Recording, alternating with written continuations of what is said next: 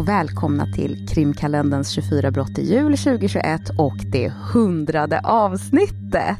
Mm. Välkomna! Helt otroligt, vi har gjort 100 avsnitt. Ja. Och det är inklusive de avsnitt som ligger på Patreon. Ja. Välkomna! Jag heter Sofia. Och jag heter Jenny. Och det här är ju då en julkalender. 24 avsnitt i december, från den första ända fram till julafton. In på Instagram och följ oss, krimkalendern. Där lägger vi upp bilder som har med fallen att göra. Och ni får gärna stötta oss på Patreon, på patreon.com krimkalendern. Men är det så att ni vill stötta oss men inte vill eh, teckna upp er på en prenumeration, så får ni jättegärna skicka en swish. Mm. Eh, och swishnumret finns både på Instagram, det finns också i era respektive poddappar. Just det. Fast blir man Patreon så får man ju tillgång till alla avsnitt, så att Ja. man har hundra. Precis. Men, men, nu kör vi! Och Nu det hundrade avsnittet ska Jenny berätta för oss. Ja, det ska jag. Är du redo? Mm, mm.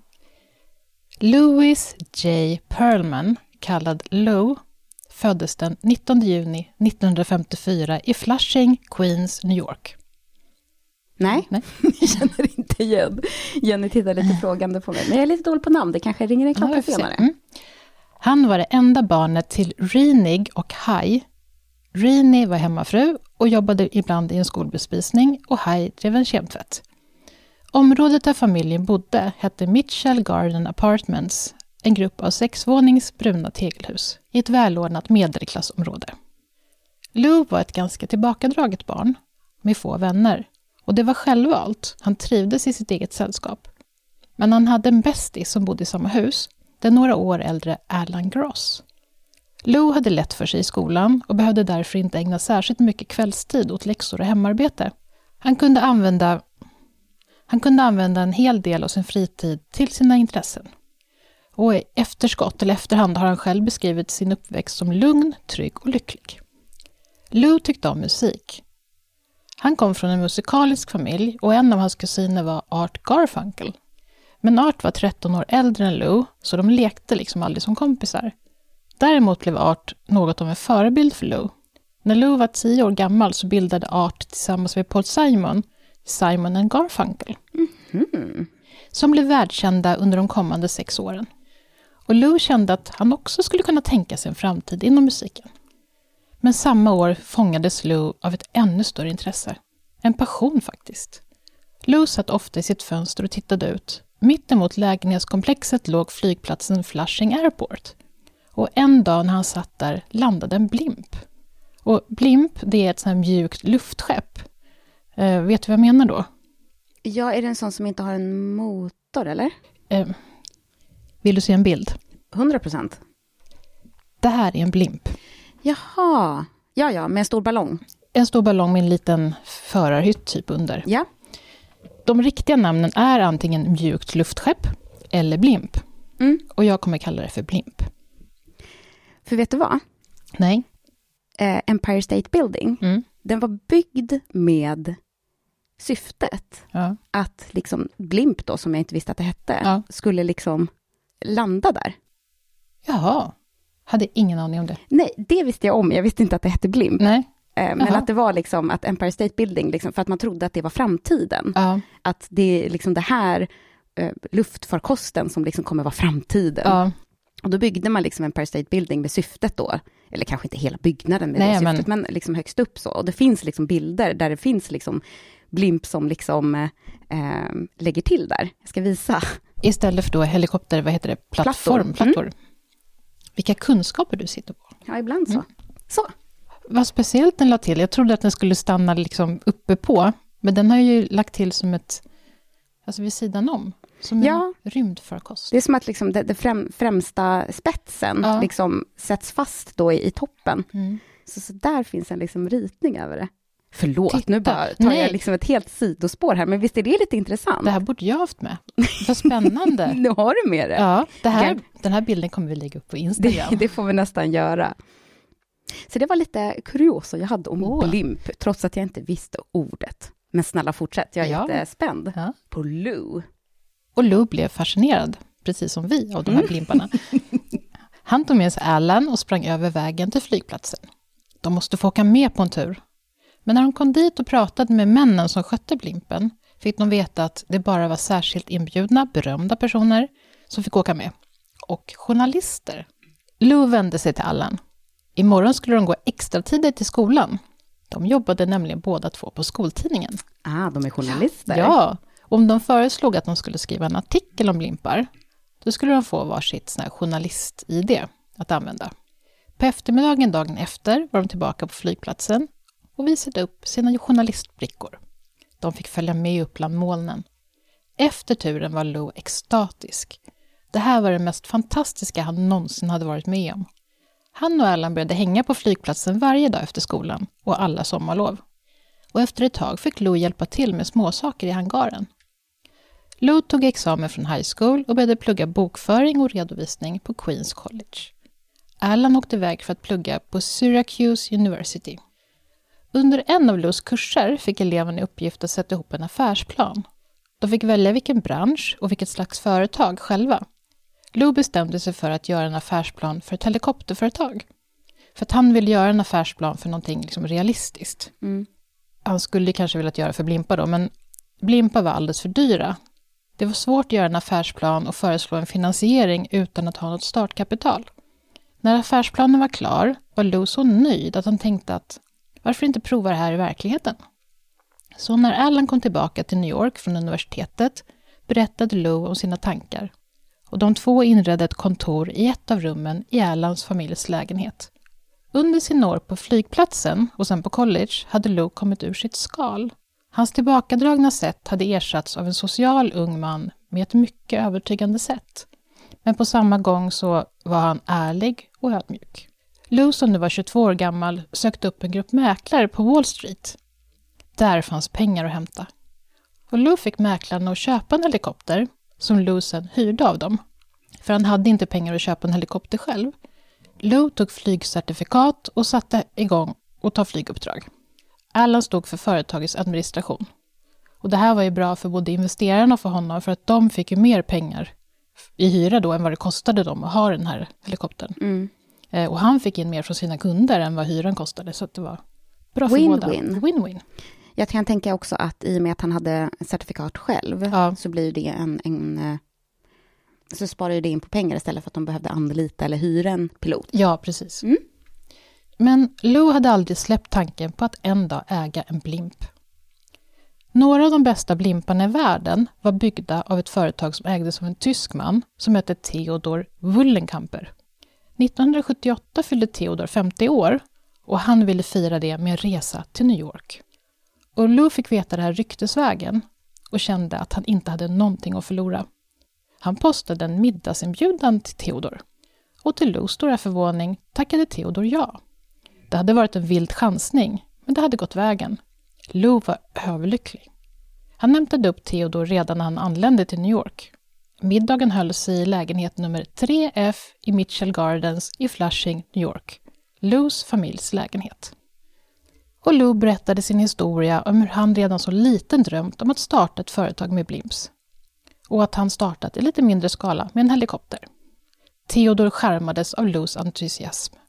Efter besöket hemma hos Lou fick Lou en inbjudan att komma till Tyskland. Där skulle han få utbilda sig vid Theodors företag. 1980, två år senare, var Lou tillbaka på amerikansk mark igen. Han startade företaget Airship Enterprises Limited efter att ha letat efter investerare. Och tyvärr hittade han inte några investerare. Däremot ville jeansföretaget Jordich, vet inte hur det uttalas, Jordache, Ingen Aldrig hört talas om, men- Nej. det var i alla fall ett jeansföretag som är väldigt stort. De ville gärna hyra en blimp. Det var perfekt, han hade redan fått en kund. Det var ju bara det här att Lo faktiskt inte hade någon blimp. Och inga pengar att köpa en för heller. Den lilla detaljen, ja. Den lilla detaljen. Mm. Det han däremot hade pengar till, det var att köpa en blimp i delar och sätta ihop den. Hmm. Och då hittade han en begagnad ballong, alltså den här övre delen, och anlitade en aluminiumkonstruktör till att bygga själva, liksom, Lådan. eller själva lådan. Mm. Just aluminium för att det är ett, ett, en lätt metall. Mm. Men bygget stötte på problem. När själva basen var byggd var det dags att måla ballongen enligt den kravspec som det här jeansföretaget ville ha. Och de ville ha guld. Problemet var bara att färgen inte klarade sol och värme särskilt bra. Så efter ett par dagar i solen började ballongen mörkna. Enligt Alan såg ballongen ut som en citat, stor bajskorv. Slutcitat. Men gud. När problemet med färgen till slut hade lösts så var det dags för blimpens jungfrufärd. Det var den 8 oktober 1980 och det här jeansföretaget skulle ha ett stort reklamjippo vid New York Harbor. Blimpen lyfte från det lilla flygfält i New Jersey där det hade byggts ihop. Piloten tog sikte på hamnen. Det var alltså inte han som flög nu längre. Nej, han kanske inte hade certifikat för blimpar Nej. utan bara för helikopter. Ja. Men efter bara någon minut började blimpen oförklarligt att tappa höjd och kraschlandade på en soptipp. Åh oh nej, på en soptipp ja. också. Kraschen hamnade på New York-tidningarnas första sidor. Och ingen officiell orsak hittades till det här. Men Lou hade förlorat sin enda blimp. Och kanske sin enda kund, vem vet? Ja, precis. Ja.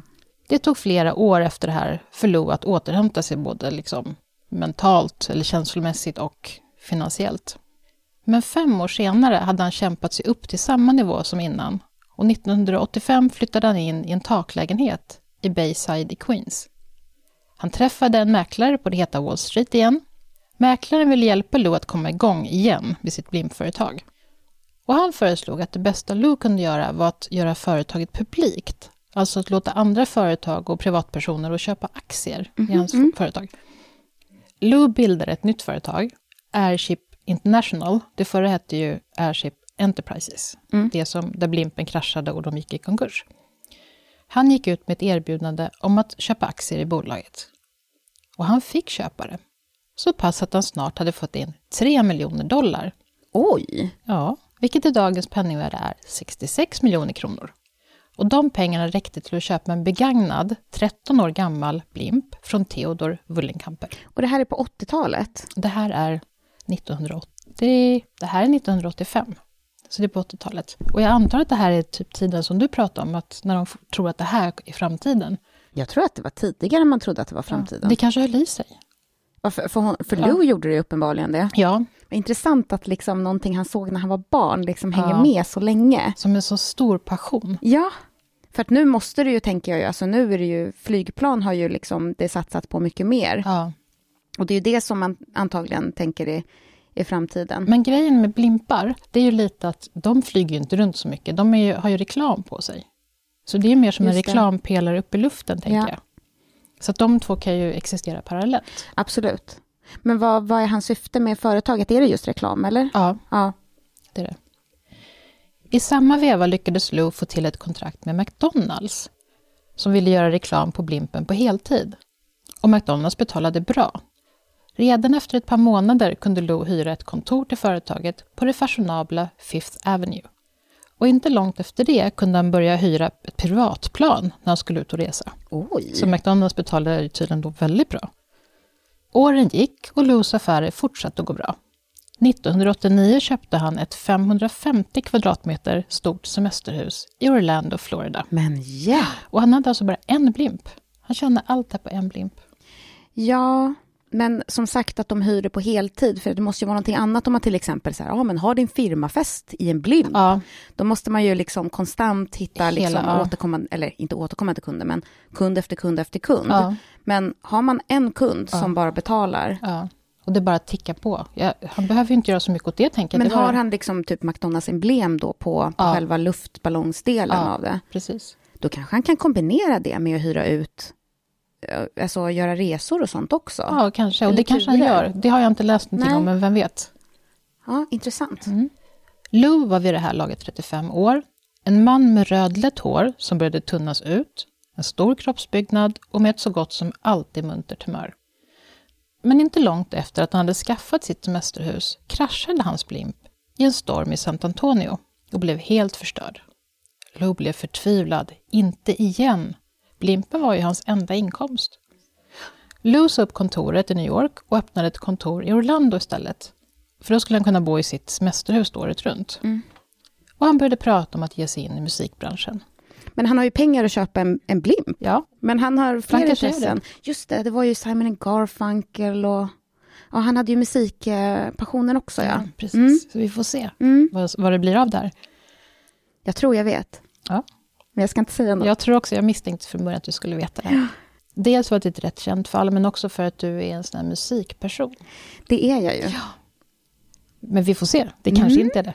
Men, ja. Fy vad glad, om det är det fallet jag tror det är, ja. så är jag jätteglad att du tar upp det, för det är ja. jätteintressant. Ja, det är ju det. Och det är väldigt, det ska jag säga också, det är ett väldigt stort fall. Ja. Jag har fått klippa bort, eller skära bort mycket, ja. för att också få det så att det blir en röd tråd i det. Eh, men som sagt, Lou hade ju alltid varit intresserad av musik, och han hade följt sin kusin Arts karriär med stor nyfikenhet. Han hade haft tankar på att arbeta musik redan från början när han hade varit i, i flygbranschen. För då hade han flugit New Kids on the Block, pojkbandet som startade 1984 och upplöstes 1994. Det var väl typ det första liksom, pojkbandet ja, med i, i liksom, det moderna ordets bemärkelse. Ja, det var det. Och när Lou pratade med bandets manager berättade managern att bandet drog in ungefär 1,5 miljarder svenska kronor per år. Och Lou såg dollartecken framför ögonen. Här fanns pengar att tjäna. Han är ju en person som tänker så ofta att just här finns pengar att tjäna. Mm. Men han bestämde sig för att fundera ett tag till på saken. För det var ett stort steg att ta och det var helt annorlunda än det han hade jobbat med hittills. 1991 hade hans företag återigen återhämtat sig han hade fått in nya investerare och flera affärspartners. Är det fortfarande inom flygbranschen? Då, ja? Mm. det är mm. fortfarande. En av dem var den smarta 22-åriga engelska arvingen Julian Bencher. Och nu hade Lo köpt flera nya blimpar. Och Julian höll precis på att förvärva företaget som sålde blimparna till Lo. De blev bekanta.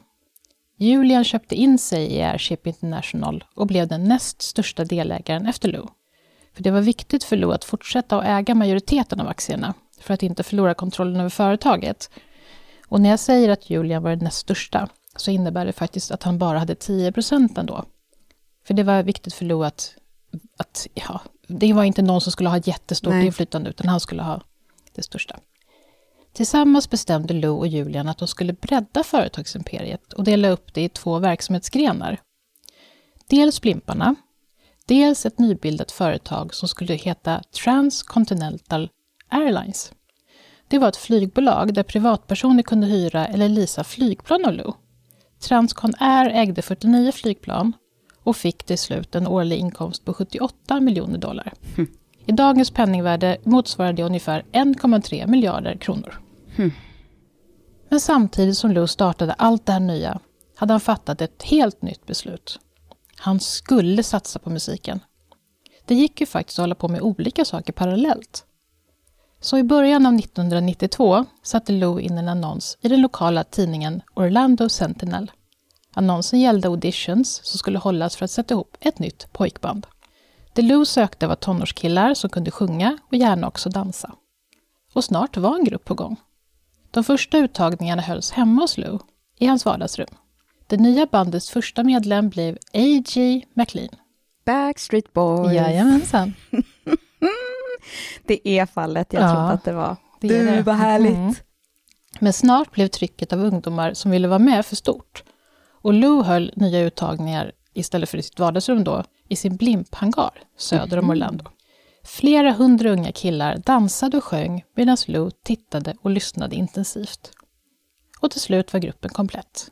Förutom AJ bestod bandet av Brian Littrell, Nick Carter, Kevin Richardson och Howie Dorrow.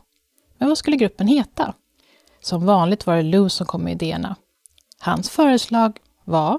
Backstreets back, alright! Precis. Eller Backstreet Boys. Ja, och det, eh, det visste inte jag var det kommer ifrån, men det är döpt efter en stor populär loppmarknad i Orlando. Jaha, det visste inte jag heller. Som då förmodligen låg på en backstreet, kanske. Vad vet jag. Eh, gruppen uppträdde första gången på SeaWorld i Orlando i maj 1993. Direkt därefter var det dags för turné och killarna uppträdde på tivolin och i gallerior. Efter ett år hade The Backstreet Boys ett skivkontrakt med skivbolaget Jive Records. Men deras första singel föll inte i god jord. Ingen radiostation var intresserad av att spela den. Vilken var det? Jag vet inte. Sofia googlar nu. We've got it going on.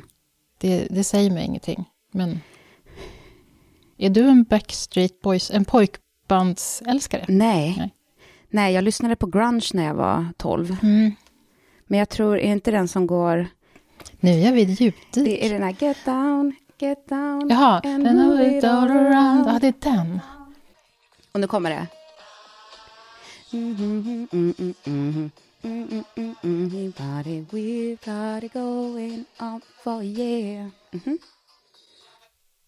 Alltså jag gillar det här ändå. Jag kan inte förstå att den inte spelades på någon radiostation. Det- Ja, ja. Mm. Men eftersom det inte verkade gå vägen i USA så bestämde Lou att bandet skulle turnera i Europa. Och sen skulle de komma tillbaka för att erövra USA. Vet du var deras första album producerades? Nej. Det producerades i en, jag vet, alltså, när vi, jag bor ju ganska nära Fridhemsplan. Mm. Och bredvid typ, jag tror att det är en gammal biograf, Draken. Mm. Men vid sidan av det huset, eh, eller eh, huset nästintill, så finns det som en liten låda som, byggs, som är som att den byggs ut liksom, från huset. Ja. Där fanns ett skivbolag. Och då i Stockholm? Ja. Det var ju Jaha. Max Martin och Dennis ja, Pop. Och, just ja. det.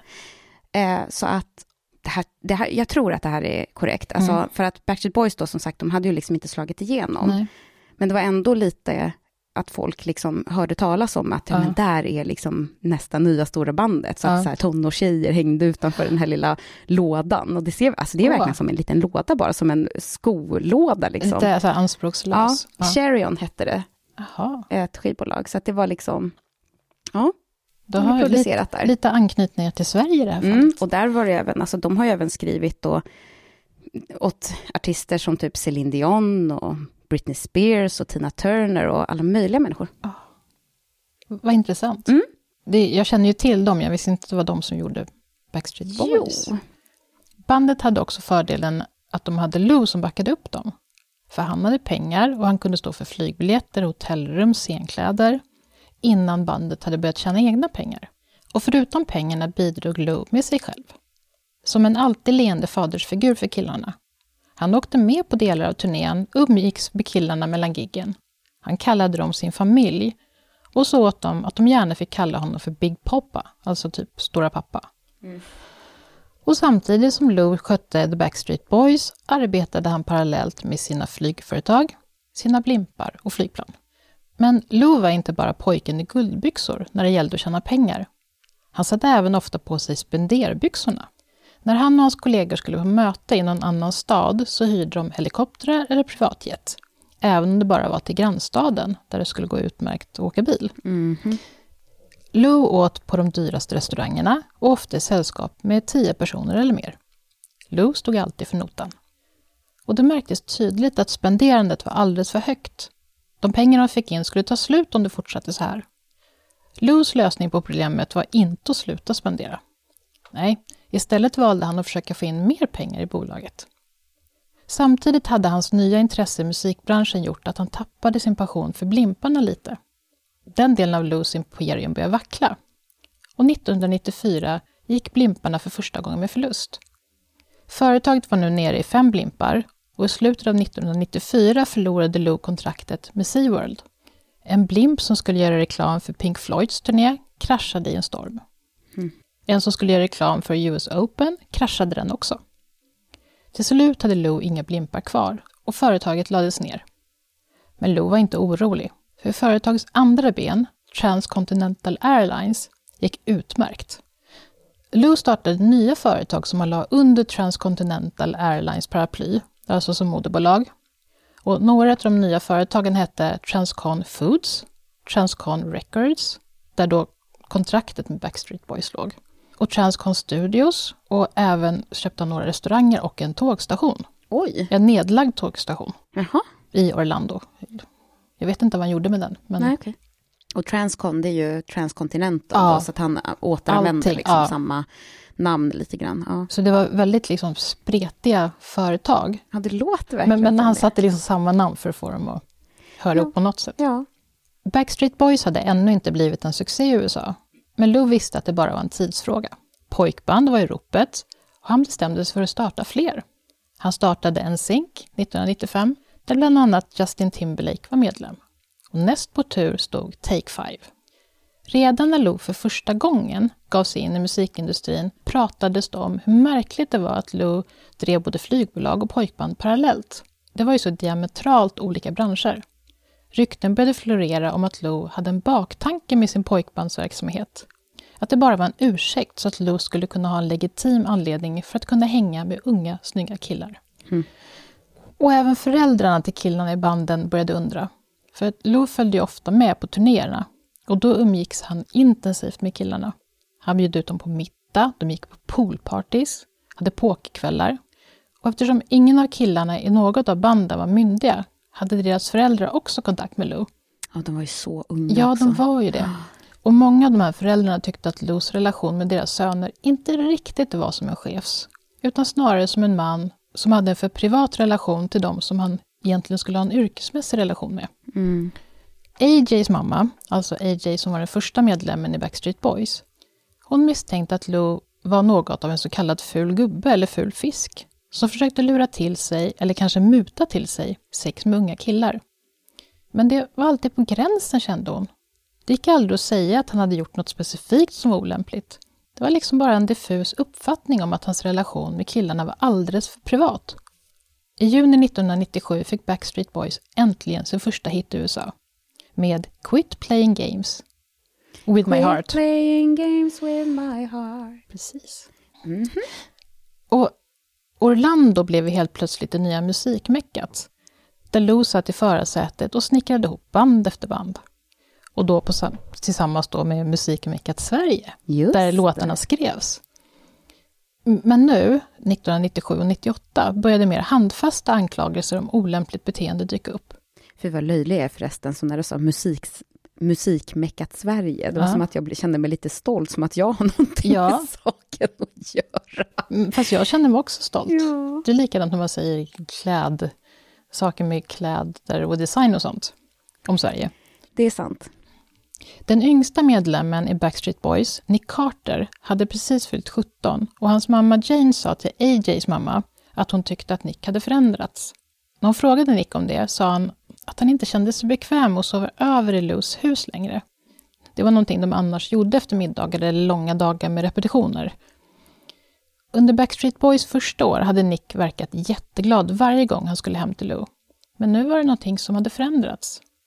Jane Carter sa aldrig någonting om det här då, men i en intervju med en journalist under senare år har Jane sagt att Lou hade betett sig olämpligt mot Nick och flera av de andra bandmedlemmarna. Men mer än så sa hon inte. Hon sa liksom inget handfast. Och hon verkar inte ha agerat på något sätt heller, just när det hände. Mm. Lou var inte medveten om ryktena, vad jag vet. Han hade fullt upp med sina bolag. Han skickade regelbundet ut brev till Transcons eh, investerare och berättade hur det gick för de olika företagen. I målande ordalag beskrev han hur han såg på den ljusa framtiden för företaget. Lous dedikation för att få in investerare i företaget var intensiv. Han såg till att få biljetter in till rika affärsledare på baseballmatcher. Han lyckades till och med vid ett tillfälle få en inbjudan till ett bröllop för en dotter till en professor som hette Dr. Joseph Chow. Joseph var ingenjör och han var inte förmögen alls. Men hans fru, det vill säga dotterns mamma, hon var det. Hon ägde och drev ett stort vårdföretag. Och under den här bröllopsfesten, som han inte alls hade någon liksom, relation till, så övertalade Lou sublimt Joseph att förmå sin fru att investera pengar i Airshipcon. Lou fick Joseph och hans fru att investera mer och mer genom att stärka sin privata relation, särskilt till Joseph. Vid ett tillfälle sa Joseph till en vän att Lou var som sonen han aldrig hade fått. Oj. Snart därefter uppgick Joseph och hans frus investeringar i Transcon till 14 miljoner dollar. Oj. Och det har jag faktiskt inte räknat om för att det kommer komma väldigt mycket belopp så att allting Ja. är inte omräknat i kronor men man förstår ju att det är mycket pengar. Extremt mycket pengar, ja. Ja. Och nu började Lou erbjuda investerare ytterligare ett alternativ. Transcon Air hade en pensionsfond för sina anställda. Och nu erbjuder han externa investerare att börja spara i pensionsfonden, vilket skulle ge investerarna minst 8% i avkastning varje år. Det här var en supersäker investering, sa Lou till de som var nyfikna. Investeringarna backades nämligen upp av två av världens största försäkringsbolag. Och dessutom fanns det en sån här insättningsgaranti utfärdad av The Federal Deposit Insurance Corporation. Och det motsvaras ungefär av de här, den här statliga insättningsgarantin som man har i Sverige. Mhm, mm. Och många blev intresserade och köpte in sig. Här gick det att sätta in mindre poster. Man behövde alltså inte ha en miljon på banken för att kunna investera. Många av investerarna var därför pensionärer, småsparare som hade lite pengar på banken efter att kanske ha sålt sitt hus när barnen hade flyttat ut. Och det var väldigt få av hans investerare som frågade om att få se underlag på de här försäkringarna. De flesta tog honom på orden. Och det kan man kanske förstå, så han är ju ändå en affärsman av rang. Han har ja. ju det här stora liksom, huset. Ja. Eh, han är bakom Backstreet Boys och NSYNC. Ja. Han ser ju väldigt framgångsrik ja, ut. Man ser ju att det går bra. Och dessutom så beskrivs han som att han har ett väldigt övertygande sätt. Mm, det brukar ju också hjälpa. Ja. ja.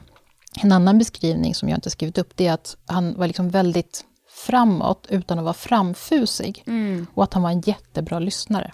Mm. Och det är ju faktiskt, tror jag, väldigt framgångsrikt. Det tror jag också. Men de gånger någon faktiskt frågade om att få se underlag bjöd han upp dem på sitt kontor. Där visade han underlag som såg ut som tjocka kontrakt från försäkringsbolagen.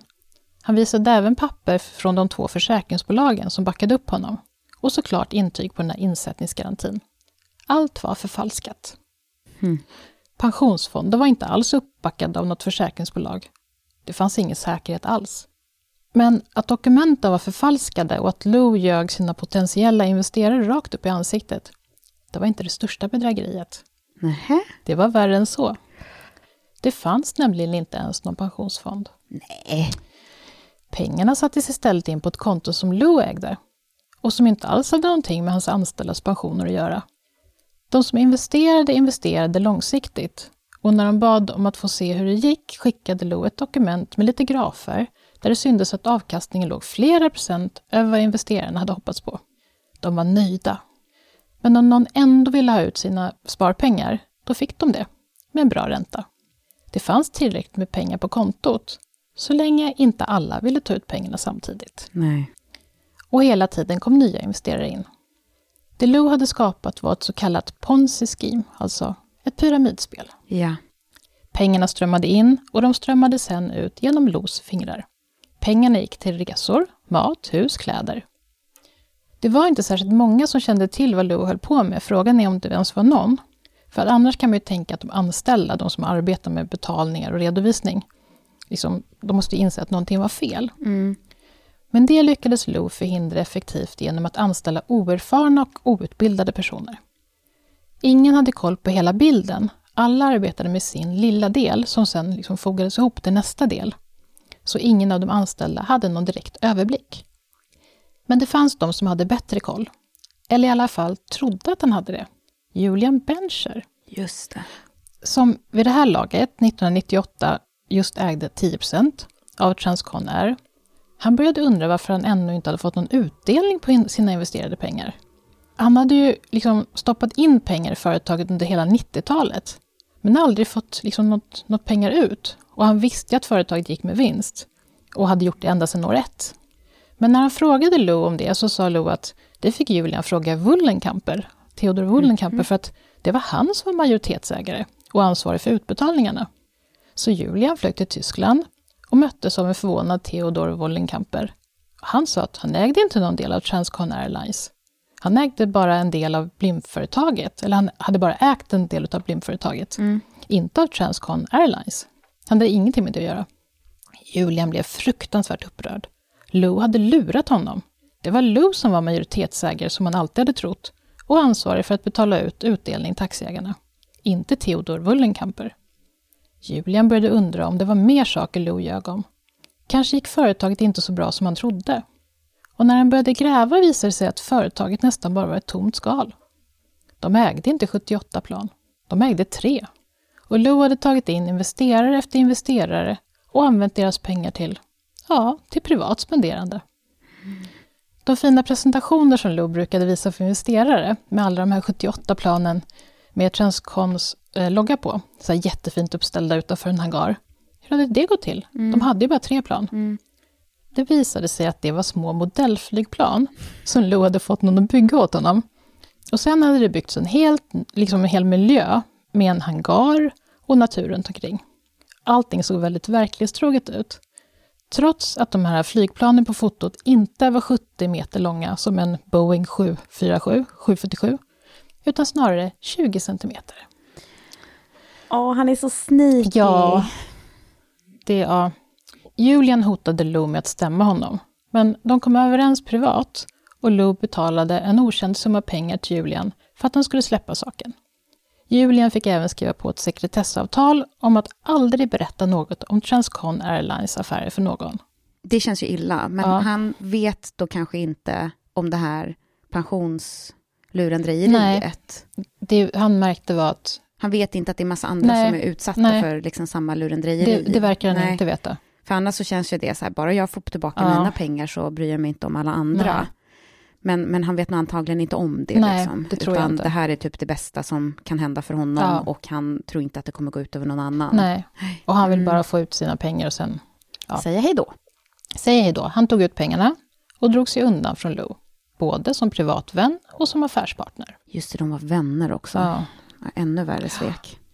Rykten om Lous olämpliga beteende mot unga pojkar fortsatte att florera. En del rykten gällde turnéer där Lou hade följt med banden, men de flesta gällde saker som hade hänt i hans hus i Orlando. Tom Cristofore, tror jag att det uttalas, en av medlemmarna i Take Five, har senare berättat att han som 13-åring sov över i Lous hus med en annan ung kille. 13 också, vet du. Ja. Och sent på kvällen hade Luke kommit in i deras rum, iklädd bara en handduk runt höfterna. Han hade gjort ett svanhopp rakt över sängen och lekbrottats med killarna, under vilket hans handduk gled av. Hmm. Killarna tyckte att den här situationen var obehaglig, men de var så unga att de inte visste vad de skulle tro och de berättade inte om händelsen förrän långt senare. Vid ett annat tillfälle var Tom och en annan kompis inbjudna till Lou för att bada i hans pool. Tom, det var han 13-åringen? Ja. Ja. Eh, När Lou kom och öppnade dörren när killarna ringde på så var han helt naken. Han hade ursäktat sig och sagt att han hade stått i duschen när killarna ringde på. Han hade inte hunnit klä på sig. Lou anställde ofta just unga män till att vara hans assistenter eller på andra sätt arbeta för honom. Flera av dem har berättat att Lou gärna ställde sig bakom dem när de pratade och började massera deras axlar eller smeka dem lätt över armarna. Men ingen vågade säga någonting. De ville ju inte bli av med sina jobb. Dessutom var det många som arbetade för Lou som var aspirerande artister. Som Lou lovade en spirande framtid när han väl arbetat något år som hans assistent. En av de assistenterna var den då 20-årige Steve Mooney, som hoppades på att bli en framgångsrik sångare. Lou hade lovat honom guld och gröna skogar och eftersom Steve inte hade någonstans att bo och Lou föredrog att ha sina assistenter nära sig fick Steve flytta in hos Lou. Och Steve märkte snart att när medlemmar i de olika banden sov över tillbringade de rätt mycket tid i Lous sovrum. Ibland hörde Steve hur det knäppte till i Lous dubbeldörrar till sovrummet när killen som hade varit på besök där inne smög ut mitt i natten. Steve försökte förtränga vad han trodde. Han var inte redo att säga någonting och röra om i grytan. Då skulle han garanterat få sparken. Och när han hade fått sitt assistentjobb så hade Lou sagt att det bara var första steget mot att bli sångare i något av hans pojkband. Men tiden gick och Steve fick aldrig någon plats i en grupp. Det hade blivit år 2000. Han började bli otålig. Till slut kände han att han behövde någon slags garanti, en deadline. Någonting som var mer konkret än det luddiga löftet om att få bli en av artisterna. Vid nästa tillfälle de träffades tog Steve upp saken. Han sa till Lou att han hade väntat tillräckligt nu, men ändå hade han inte fått det han hade blivit lovad. Han sa citat. Vad behöver jag göra för att komma med i ett av banden? Slutcitat. Lou hade lätt till svar medan han lutade sig tillbaka i sin skrivbordsstol. Han var klädd i en vit morgonrock och särade lite på benen och såg avslappnad ut. Mm. Steve kunde se att Lou hade på sig vita kalsonger. Lou svarade, citat. Du är en smart ung man. Du vet vad du behöver göra för att komma med i bandet. Slutcitat. Steve reste sig upp, sa att han slutade på jobbet med omedelbar verkan. Ja. Så gick han ut genom dörren. Han ville aldrig mer ha med Lou att göra. I samma veva var det andra delar av Lous musikbusiness som började svaja. År 2000 gick en av medlemmarna i The Backstreet Boys, Kevin Richardson, ut i media. Han blev intervjuad i tidningen The Rolling Stone. Kevin sa att han och de andra bandmedlemmarna var fundersamma. Någonting var fel. Sedan 1993 hade bandmedlemmarna fått 12 000 dollar var per år i betalning. I dagens penningvärde motsvarar det ungefär 190 000 svenska kronor. Vad blir det per månad? Det blir 16 000 per månad. Och det är ju inte en jättehög lön, i synnerhet inte för medlemmar i ett band som dragit in miljontals dollar. Så bandmedlemmarna stämde Lou. Till slut, fyra år efter att Kevin Richardson hade protesterat, kom bandmedlemmarna och deras advokater överens med Lou om ett hemligt belopp som han betalade ut till dem. Och det där funderar jag dock på att han har ju det här uh, pyramidspelet Mm. för att dra in massa pengar. Mm. Men om pengarna för pojkbanden inte kommer till medlemmarna i banden Ja. så går väl de till Lou också. Ja, Så han måste dra in massa pengar. ja, men han spenderar också extremt mycket Ja, det pengar. måste han ju göra då. Om det liksom inte är nog med pojkbandsintäkterna Nej. utan även måste lura liksom stackars... pensionärer och småsparare. Och, ja. Men direkt efter att de har kommit överens om den här hemliga utbetalningen då, Mm. så splittrades bandet. Mm. Det kan man förstå att de inte ville ha mer med honom att göra. Mm. Kanske. Och de kanske var bundna kontraktsmässigt Ja. till honom så att de inte kunde fortsätta bandet eh, på egen hand utom, utan Lou. Ja, för att de höll ju på under den här processtiden på fyra år, så höll de ju fortfarande på att spela Mm. och turnera. Och, Okej. Lou's mest framgångsrika band, förutom då Backstreet Boys, Take Five, LFO och NSYNC splittrades alla samma år som The Backstreet Boys. Band efter band stämde Lou. Men utredningen av de här stämningarna, det tog tid. Under tiden fortsatte pengar att strömma in till Lou. För att även om banden hade splittrats så spelade deras musik fortfarande flitigt i radion. Och skivor såldes i mängder. Och Lou fick in miljoner i royalties. Han passade på att köpa lite fler hus för pengarna. Mm. Ett hus med sjötomt i en förort till Orlando. Två hus inne i Orlando. Ett semesterhus på en sjötomt i Clearwater. Två taklägenheter i Las Vegas. Men gode tid. Och ett hus i Hollywood. Och en lägenhet på Manhattan. Och så köpte han två ljusblå Rolls Royce. Men Lou visste att inströmningen av pengar från musikdelen av hans imperium skulle minska med tiden. Han hade ju inte längre några band som turnerade, höll konserter och tjänade pengar den vägen. Och skivförsäljningen skulle ju också avta med tiden. För att oftast var ju den störst precis när ett band var som populärast. Mm. Och han hade alla sina investerare i Transcons fejkade pensionsfond som han behövde betala ränta till för att de inte skulle kräva att få ut hela insättningen. Så Lou jobbade på att få in nya investerare samtidigt som han skapade nya pojkband. Men hans öga och öra för kommande succéer verkade ha försämrats. Inget av de nya banden blev särskilt framgångsrika. Lou bestämde att han skulle ge sig på att tjäna pengar i Hollywood och anlitade en författare för att skriva manus till en film. I rollerna fanns bland annat Britney Spears och Justin Timberlake. Filmen, som heter Long Shot, kostade 21 miljoner dollar att spela in och blev en total flopp. Den drog inte ens in en tiondel av vad filmen kostade att producera. Aldrig hört talas om den. Inte jag heller. Och, Men är de med? Alltså Britney Ja, Spears och Justin med. Timberlake? Jaha. Ja, det är de. År 2003 var Lous ekonomiska situation så ansträngd att han var tvungen att ta banklån för att kunna betala ränta till sina investerare. Men alla hans fastigheter då? Ah. Kom igen. Han ville gärna ha sina ägodelar kvar. Ja, han vill ju det. Och han hade numera svårt att få in nya investerare till sitt pyramidspel. Så räntan var tvungen att betalas på något annat sätt än via att det kom in nya pengar. Lou tog ut 13 stora banklån för att täcka utbetalningar till investerarna i Transcon och pensionsstiftelsen, för han hade ju både aktieägare då i själva... Just det, just det. Som säkerhet satte han alla sina ägodelar, sina hus, sina tre flygplan och sina kommande royalties för försäljningen av de splittrade pojkbandens skivförsäljning. Så han lånade liksom på kommande intäkter. Mm. Totalt lånade han 156 miljoner dollar. I dagens penningvärde ungefär 1,9 miljarder svenska kronor. Lou hade köpt sig tid. Pengarna skulle räcka för att betala investerarna ett tag. Under tiden skulle han fundera ut nya sätt att få in pengar. Han måste ju veta att det här liksom... Att det, det kommer inte hålla i längden. Så det är liksom hela grunden med pyramidspel Ja. är ju att förr eller senare kraschar liksom. Precis. Och trots att de här 13 bankerna fick alla uppgifter om Transcon Air, i vars namn Lou lånade pengarna, så var det ingen som upptäckte att investeringarna som tagits in i företaget i princip var borta. Det gick liksom inte att se att, att det inte fanns några pengar där. För att Lou hade lyckats få till dokumentationen så skickligt att allt såg bra ut. Men precis som du sa, inget pyramidspel håller för alltid. Början till slutet för Lous investeringsbedrägeri kom i mitten av 2004. Om du minns Joseph Chow, den här ingenjören som hade investerat sin frus pengar Ja. i Lous verksamhet. Ja. Han dog 72 år gammal. Efter hans död ville hans familj få koll på finanserna. Och Joseph hade ju sett Lou lite som den son han aldrig fått, så Lou hade nästan ansetts som en i familjen. Men de andra familjemedlemmarna kände inte att han var någon särskilt välkommen deltagare på deras familjemiddagar. Det var mest liksom Joseph som Mm. hade bjudit in dem. Det var för mycket pengar som Lou hade fått ta hand om. Beloppet var nu uppe i 14 miljoner dollar och nu ville familjen med dottern Jennifer i spetsen få ut sina pengar.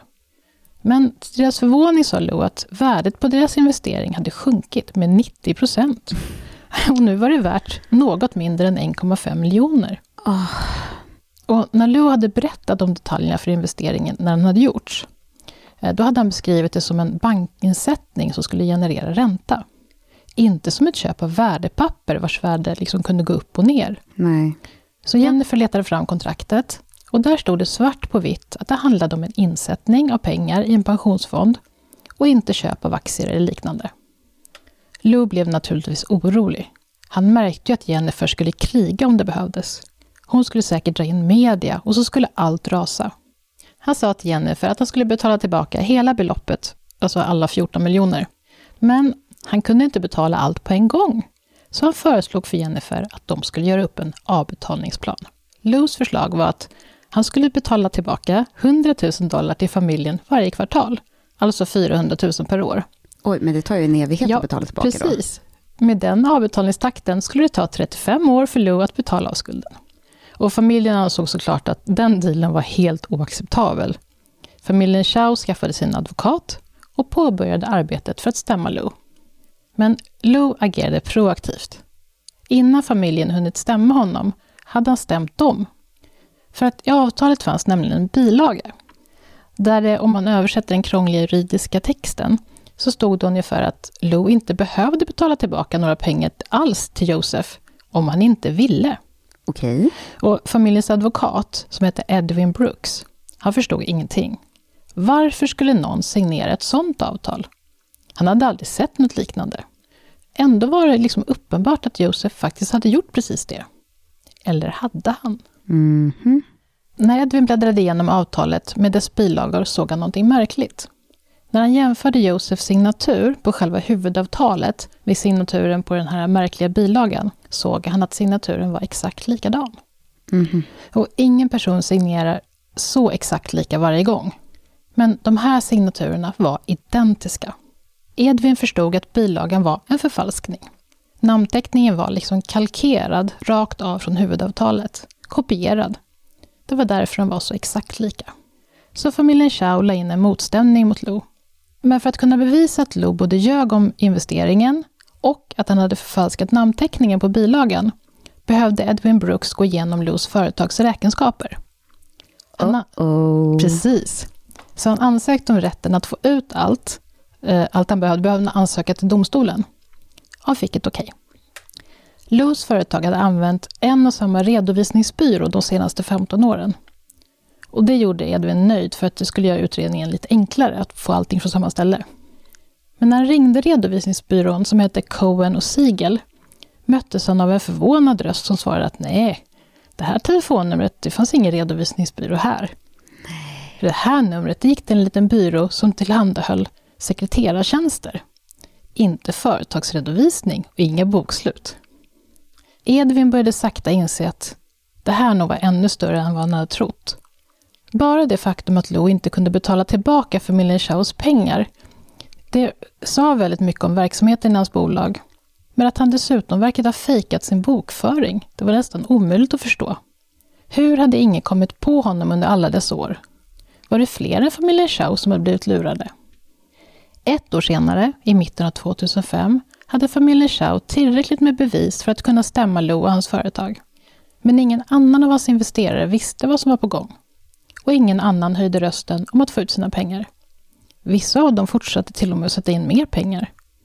Flera av Lous företag gick fortfarande bra. hans skivbolag, några restauranger han hade köpt, en ny talangbyrå. Men det räckte inte. Han hade enorma räntor att betala på de här 13 banklånen. Och dessutom behövde han betala ränta till sina hundratals investerare. När 2006 kom hade Lou inga pengar kvar. Han lyckades få ett sista banklån. Men de pengarna var snart slut de också. Och bankerna började dra öronen till sig. Ingen bank ville låna ut mer pengar. Under andra halvan av 2006 så kom det inte längre några checkar i posten till investerarna. Lou kunde inte längre betala dem. En annan av investerarna, som hette Steven Sarin, som var tandläkare, han hade hört talas om familjen Chaus stämningsansökan. Steven hade tagit alla sina pengar och investerat hos Lou. Så pass att han hade sålt sitt hus och flyttat till en liten etta för att kunna investera så mycket pengar som det bara var möjligt. Nej, nej, nej, nej. För han hade verkligen trott på Lous affärsplan. Den skulle göra Steven rik. Och när han var det, då skulle han kunna köpa ett hus som var ännu större och finare än det han hade haft från början. Mm. Det gällde bara att stå ut med att bo i den här lilla ettan tills han kunde casha in pengarna. Och när han fick höra talas om Chows stämning tänkte han att det här kunde inte stämma. Det måste vara något slags missförstånd. Han ringde till Lou. Det verkar som att Lou hade ganska, även om han hade jättemånga investerare, så hade han ganska personlig kontakt med många av dem. Mm. Han ringde till Lou och Lou bekräftade det här, att det var ett missförstånd. Men han hade ingen rak förklaring för exakt vad missförståndet bestod i. Så några veckor senare bad Steven Lou om att få boka ett möte med honom. Steven sa att nu vill jag ha mina pengar tillbaka. Lou svarade att det var inga problem alls med tanke på hur företagen bara växte och växte. De gjorde enorma vinster. Han visade upp underlag på Transcons resultat och balansräkning. Det såg fantastiskt ut. Men Steven såg aldrig röken av sina pengar igen. Många av investerarna blev helt utblottade. När checkarna med räntan slutade komma till investerarna var det flera som anmälde Lou och Transcon till Floridas Office of Financial Re Regulation, alltså motsvarande Finansinspektionen. Och de började utreda Transcons pensionsinvesteringsprogram. Och Lou försökte fördröja det här genom att låtsas att det inte hittade dokumentation, Mm. eller ge dem fel papper. Mm. Men han visste att slutet var nära. Nyheten om utredningen läckte till pressen och blev till löpsedlar i mitten av december. Lou började sälja sina bilar och sina hus. Äntligen. Äntligen ja. Han sa upp sina anställda. Han försökte köpa en lägenhet i Berlin. Men köpet gick inte igenom eftersom han inte fick något bostadslån. Och bankerna stämde Lou eftersom han inte längre betalade bankräntan eller amorteringarna. Till slut gick bankerna ihop och ansökte om att Transcon skulle bli försatt i konkurs. Strax därefter åtalades Lou för att ha drivit sitt pyramidspel.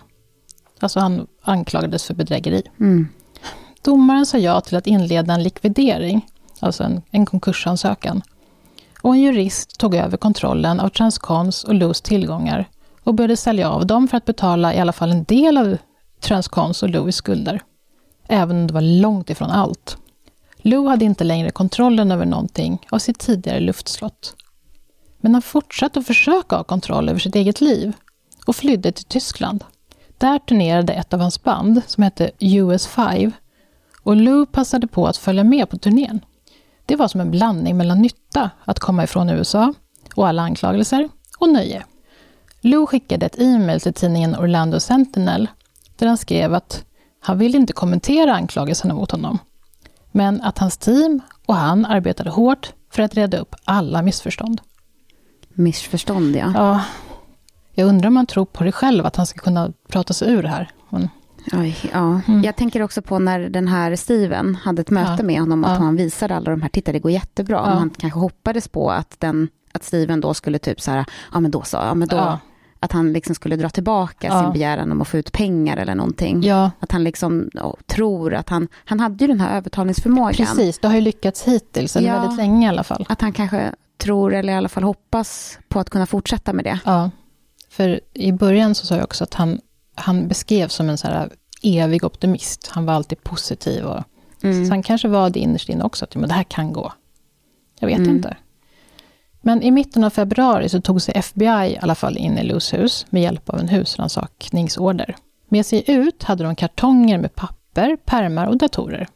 och Lou var fortfarande i Tyskland. De fick även en husrannsakningsorder för att gå igenom hans kontor. Efter genomgång av Transcons affärer, bokföring och redovisning visade det sig att minst 317 miljoner dollar, i dagens penningvärde 3,9 miljarder svenska kronor, saknades. Mm. Det är så mycket pengar. Ja. De hade försvunnit ner i Lous fickor. Han hade spenderat, förutom att han då hade köpt de här husen, så hade han ju spenderat resten. Och jag tänker på alla de här pensionsspararna. Ja. Fruktansvärt. Ja. Eh, och det här har jag inte skrivit med i manuset, men det finns flera fall, men i alla fall ett bekräftat, där det är en, en man som tog livet av sig. Nej. Som hittades i sitt garage. Åh, vad fruktansvärt. De tror att det finns flera, men han är den enda som har skrivit det tydligt i ett brev. Att det här att det var är orsaken. Därför, liksom, ja. mm. Usch. Utöver det saknades de 156 miljoner dollar som Lou hade tagit ut i banklån. Mm. Så totalt var det drygt motsvarande 5 miljarder kronor som var borta. Och förutom det då så är det liksom pojkbandens alla intjänade pengar. Nu vet vi inte hur mycket de fick i sina de här dealarna de gjorde. Nej. Men förmodligen inte allt. Nej. Så att, eh, ja, så sanslöst mycket pengar. Och det lilla som fanns kvar att sälja, det gav inte så stora pengar. Vid det här laget hade Lou inte synts till på sex veckor. Det fanns rapporter om att han hade setts i Israel, i Vitryssland och i Brasilien. Flera bloggar hade öppnats för fallet med Lou och hans affärer. Fler och fler arga investerare anslöt sig till skaran av besvikna, ledsna, skärrade och förtvivlade sparare, varav vissa förlorat precis allt. Den 9 juni låg Torsten Iborg i en solstol på terrassen till ett femstjärnigt hotell på Bali. I solstolen till låg hans fru. Torsten var en 32-årig dataprogrammerare från Tyskland. Han och hans fru hade varit totalt utarbetade och i desperat behov av semester. Och nu befann de sig på Bali och skulle tillbringa de kommande dagarna med det de älskade mest, att dyka. Torsten var egentligen inte typen som låg i en solsäng allt för länge. Så då och då blev han rastlös och låg och tittade på människorna runt omkring. Då lade han märke till en person som stack ut bland alla brunbrända välmående turister. En bit bort satt en väldigt blek, väldigt överviktig man. Torsten kände igen honom, trodde han. Det såg ut som Lou Pearlman. Nyheten om kraschen hade varit stor i Tyskland eftersom det var ett av de länder där Lous pojkband haft absolut störst framgång. Och det var ju dessutom dit Lou hade flytt först. Senare på kvällen satt Torsten på ett internetcafé när den bleka mannen kom och satte sig vid datorn intill. Och nu när han var så nära var Torsten säker. Det var Lou Perman. På morgonen den 14 juni, vid frukosten, tog Torsten diskret ett foto av Lou.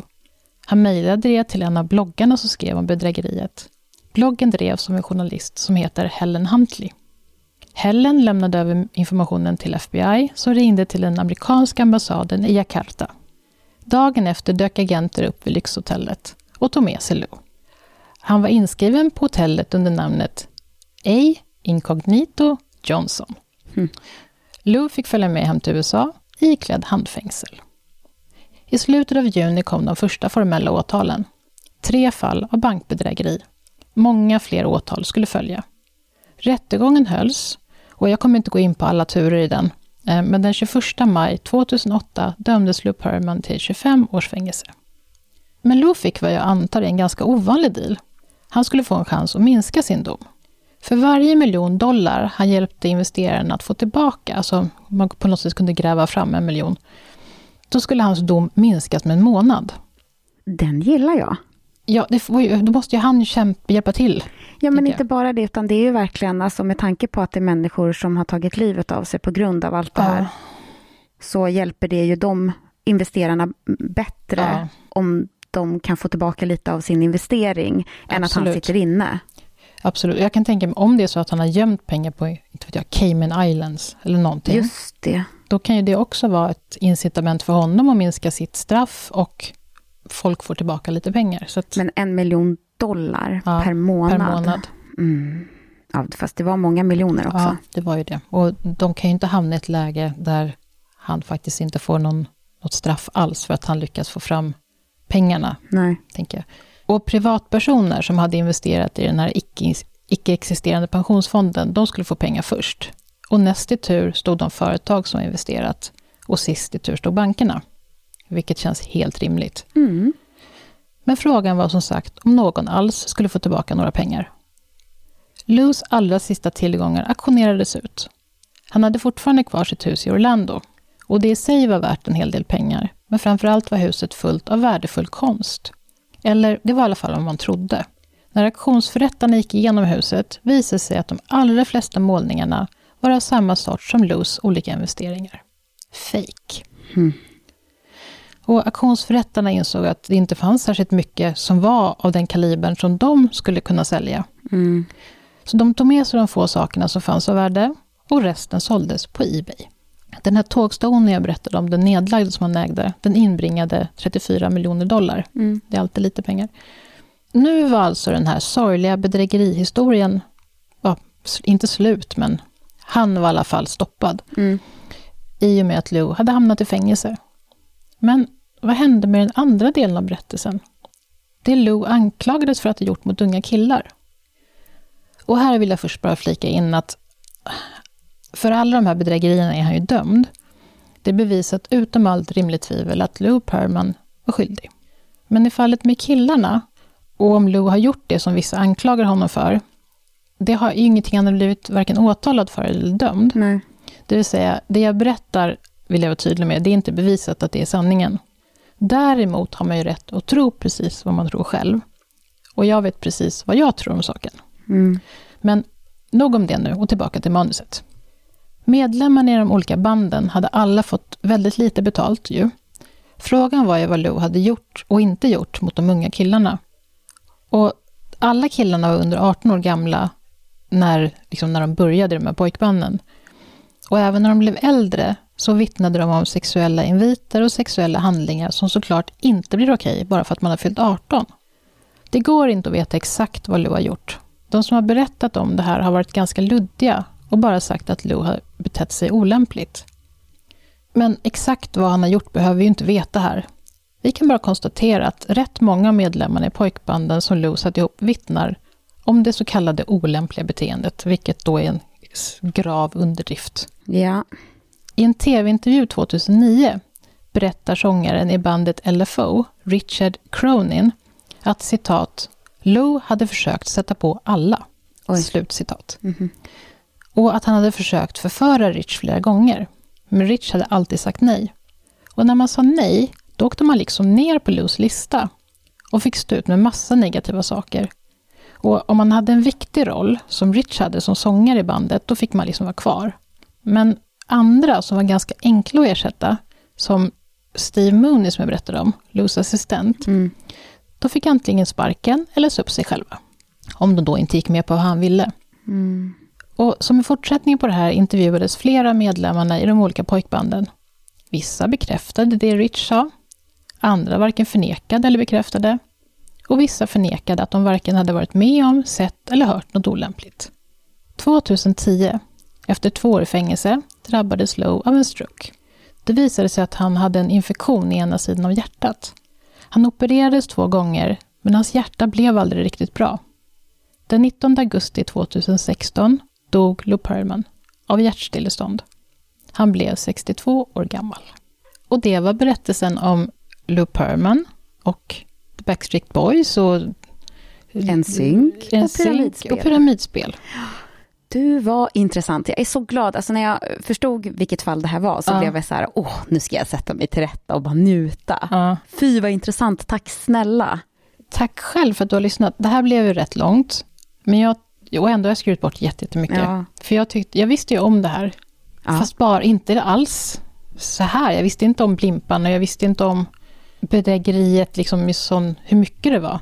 Ja, bakgrundshistorien eh, med Ja. blimparna hade jag ingen aning om. Nej. Sen så nu när du började prata så var just det, han hade ju de här flygföretagen. Ja. Alltså att det visste jag om, eller det har jag Ja. hört. Och att det var lite så här uh, udda då att någon från flygbranschen gav sig in i liksom musikbranschen, den Ja. biten. Men just att han hade haft den här uh, passionen för blimpar Ja. och liksom, ja, du var intressant. Ja. Tack snälla för att du lyssnade. Du, det är jag som ska tacka. Vi kommer ju ses och höras imorgon igen. Ja, då ska, jag, då ska jag berätta om ett fall. Ja, Och det blir jätte, jättehemskt. oj då. Ja. Och så har det en koppling till ett yogaklädesföretag. Ett yogaklädesföretag? Ja, Mm. Lululemon. Det har jag hört talas om. Mm. Är inte det så lite exklusivare?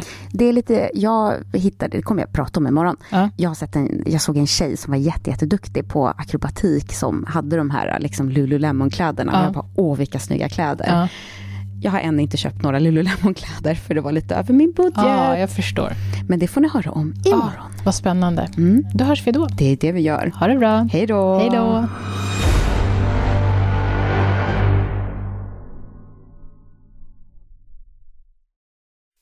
Katt åt lampa, lös i magen.